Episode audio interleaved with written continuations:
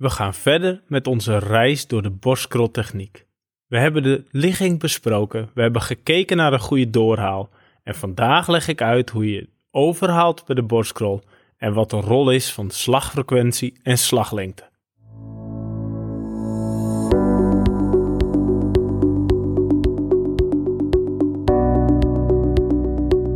Welkom bij de First to T1 podcast. De podcast voor triatleten en zwemmers in het zwembad en het open water voor beginners en gevorderden. In deze podcast geef ik jou de kennis en de tools om de regie te nemen over je eigen ontwikkeling in het water. Zo word je sneller en wordt zwemmen leuker.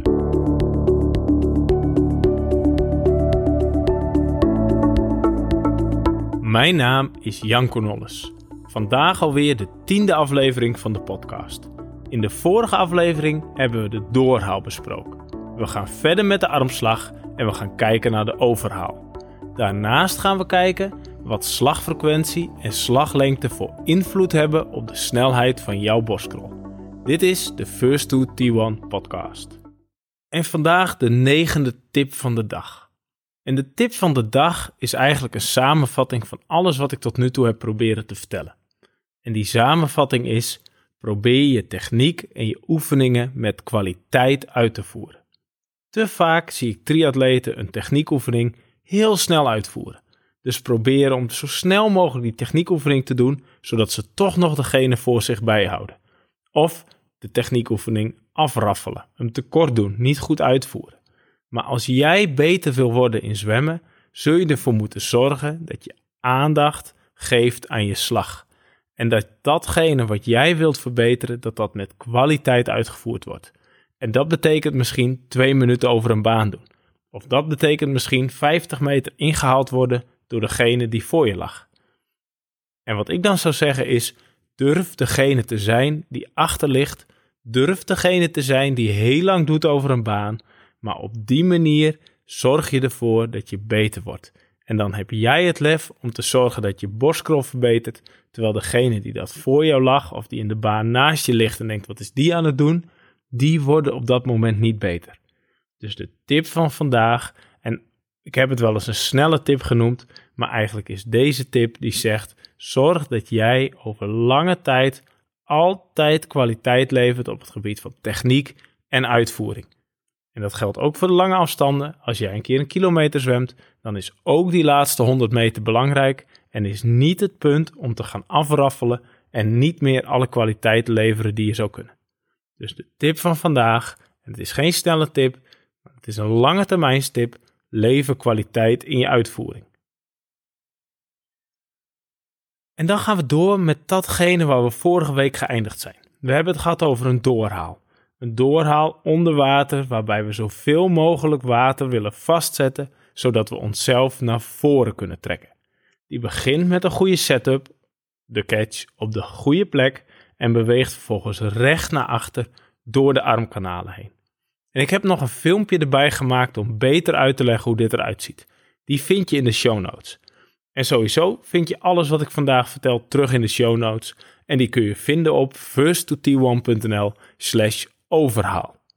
Dus op first1nl slash overhaal vind je in een filmpje nog de samenvatting van de podcast van vorige week. En vind je alles wat we vandaag bespreken ook weer terug. En bovenop dat filmpje wil ik nog graag een aantal dingen verduidelijken. Want we hadden gezegd, je maakt een catch, je elleboog beweegt naar buiten, je onderhand met daaraan vast je hand beweegt recht naar achter en gaat door de armkanalen naar achter toe. En nog even een verduidelijkend beeld daarbij is dat als jij van voren kijkt naar je slag, dus je ligt bijvoorbeeld voor een andere zwemmer en hij zwemt naar jou toe, wel op tijd aan de kant gaan, dan zie je eigenlijk als hij beide armen naast elkaar heeft een diamant.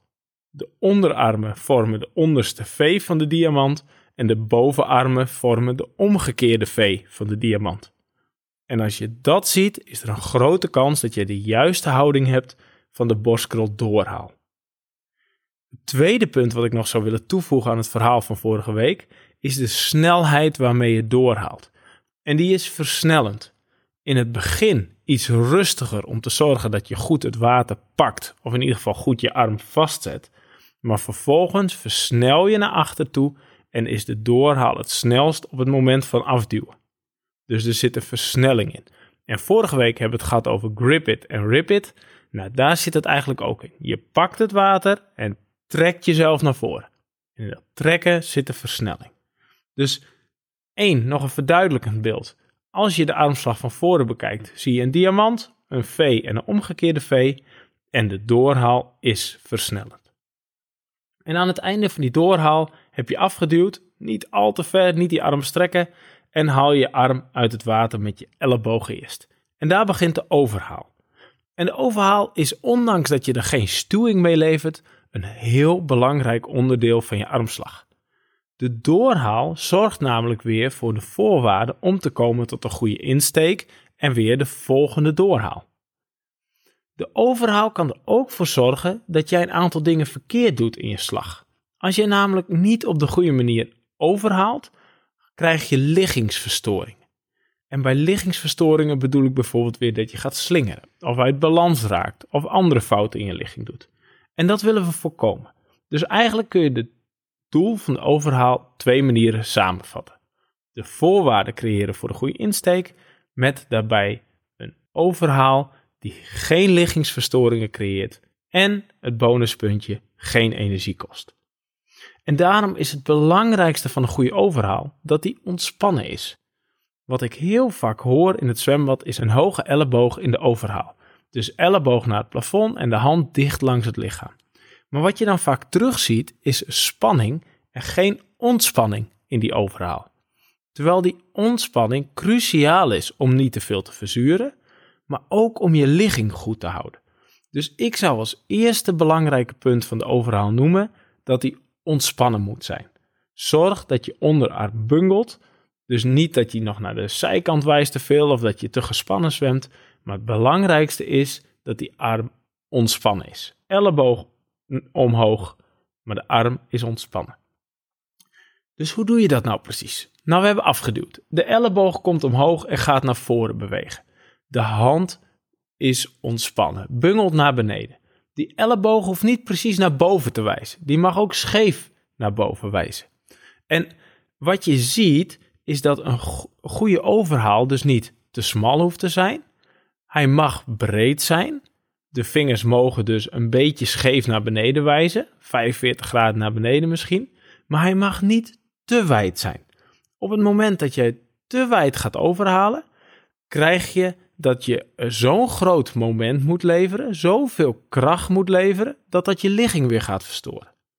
En daar zit het dilemma van een ontspannen overhaal die geen liggingsverstoringen creëert. Dus een goede overhaal, elleboog, zo veel mogelijk naar het plafond, waarbij jij een ontspannen arm kan houden.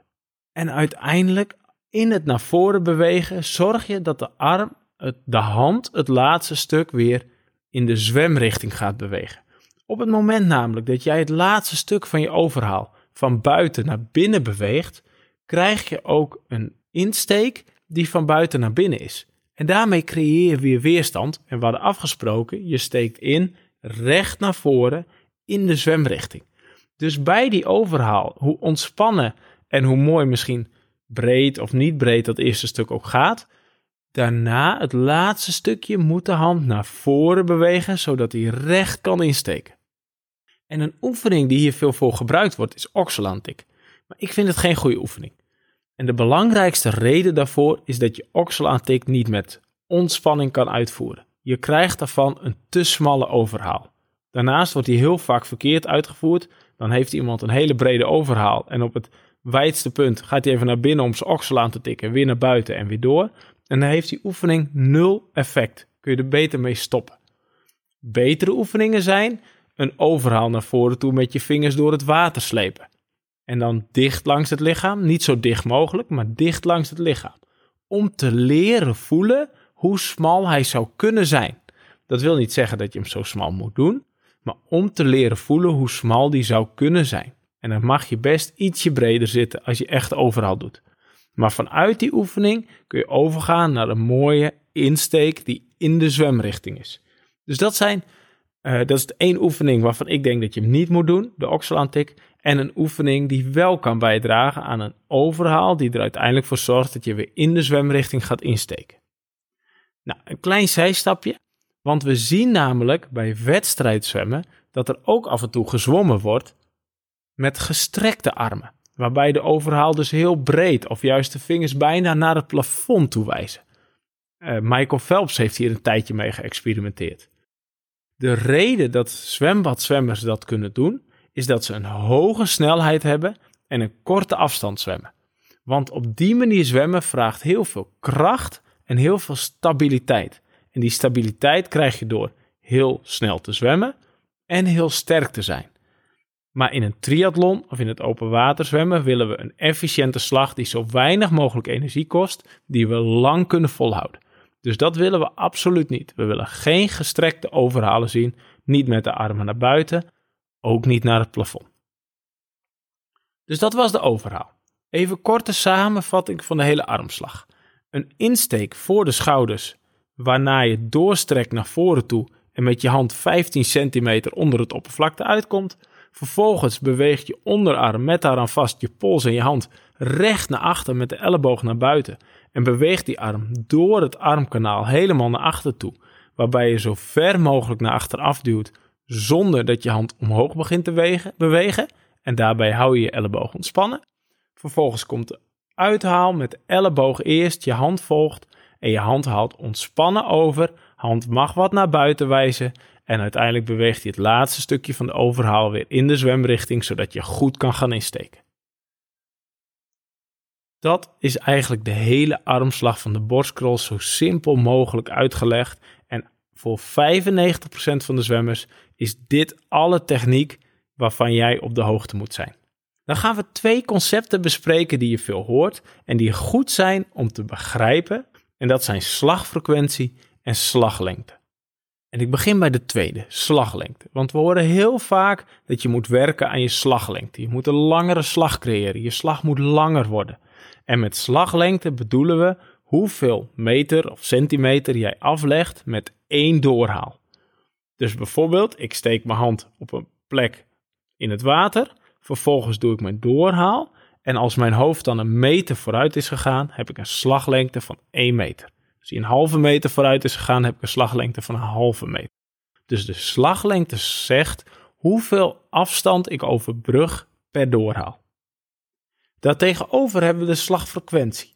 De slagfrequentie stelt hoeveel slagen ik doe per minuut. Op het moment dat ik 60 slagen doe per minuut, heb ik een slagfrequentie van 60. Doe ik 30 slagen per minuut, heb ik een slagfrequentie van 30. En deze twee concepten zijn goed om te begrijpen in relatie tot de armslag. Want op het moment dat wij voor een hele lange slag gaan zorgen, ik zorg voor een optimale slaglengte, zul je zien dat de slagfrequentie naar beneden gaat.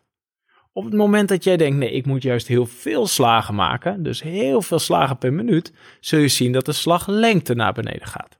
Er zit altijd een verband tussen slaglengte en slagfrequentie. Als ik namelijk 60 slagen per minuut doe en ik doe bij elke slag verplaats ik mezelf 1 meter, dan zwem ik 60 meter per minuut. Op het moment dat ik 60 slagen per minuut doe en ik doe dat een halve meter per slag, zwem ik 30 meter per minuut. En wat we willen uiteindelijk is het optimum creëren tussen slagfrequentie en slaglengte. En we willen dus niet een hele lange slag die heel lang duurt, waarbij je een hele lage slagfrequentie hebt, maar wel een hele lange slaglengte. Bijvoorbeeld, ik doe 30 slagen per minuut van 2 meter en ik zwem dus 60 meter. Ik wil ook niet het omgekeerde, een slagfrequentie van 60 met maar 1 meter, want in beide gevallen kom ik op 60 meter uit. Ik wil een optimum vinden. En dat optimum is voor iedereen verschillend. Sommige mensen hebben van nature een langere slag. Sommige mensen hebben van nature een veel hogere slagfrequentie.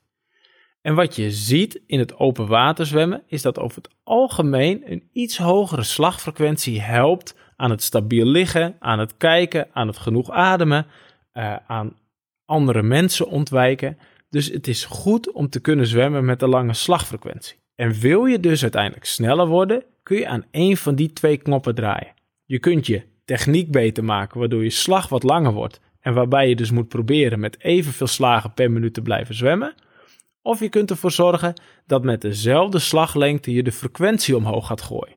Dus zorgen dat je meer slagen gaat doen, maar wel elke slag evenveel water blijft verplaatsen. En dat laatste is een uitdaging. Want wat je vaak hoort bij triatleten, beginnende triatleten, is dat op het moment dat ze snel gaan zwemmen, of sneller gaan zwemmen qua intensiteit, dat ze niet sneller gaan zwemmen qua tijd. En dat komt doordat dan vaak de slaglengte minder wordt. Dus ze gaan meer slagen per minuut maken, maar omdat ze niet meer op de techniek letten, wordt die minder en uiteindelijk ben je dus even snel. En dit is goed om te beseffen als jij werkt aan je techniek. Want met het werken aan techniek probeer je je slaglengte te optimaliseren. Maar doe dit niet ten koste van alles en niet ten koste van een mooie hoge slagfrequentie. Interessant is om eens, zeker voor de triatleten, te kijken naar bijvoorbeeld uh, de Olympische Spelen. Naar de Jonathan Brownlees, oh, de Alistair Brownlees, de andere hele goede zwemmers in dat veld. Die hebben een slagfrequentie die heel hoog ligt. Boven de 50, 60, soms 70 slagen per minuut. Wij minder goede zwemmers zitten vaak veel lager aan dat spectrum. 25 of 30 slagen per minuut.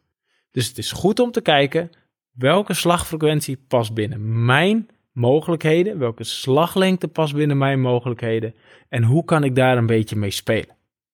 En als je dus aan je techniek werkt, besef dat een langere slag niet per se een snellere slag wordt, alleen maar als het jou lukt om je slagfrequentie op dezelfde hoogte te houden. En met dit technische stukje over slagfrequentie en slaglengte ga ik vandaag afronden. Want ik denk dat je weer genoeg dingen hebt gekregen waar je mee aan de slag kan. Je kunt je overhaal verbeteren, dat is altijd belangrijk. En als je bezig bent met je doorhaal, is het interessant om te kijken of je die doorhaal ook vol kan houden met een hogere slagfrequentie. En met deze kennis en ook weer dit stukje achtergrond hoop ik dat ik jou wat meer tools heb gegeven om jezelf beter te gaan maken in het zwembad. En vlak voor we afsluiten wil ik je nog één vraag stellen. Want de vraag is eigenlijk: heeft deze podcast jou tot nu toe al geholpen om beter te worden? Ben jij beter gaan trainen, beter gaan zwemmen? Misschien vooral op dit moment nog slimmer gaan trainen en gaan zwemmen door deze podcast? En als het antwoord ja is, heb ik nog een vraag voor je. Zou je dan misschien deze podcast met iemand anders willen delen? Want op die manier help je anderen om ook sneller te zwemmen. En hoe meer mensen zwemmen leuker gaan vinden en misschien ook sneller worden, hoe meer we onze sport kunnen laten groeien en ook hoe meer evenementen er misschien eh, gaan ontstaan om deze mooie sport uit te dragen.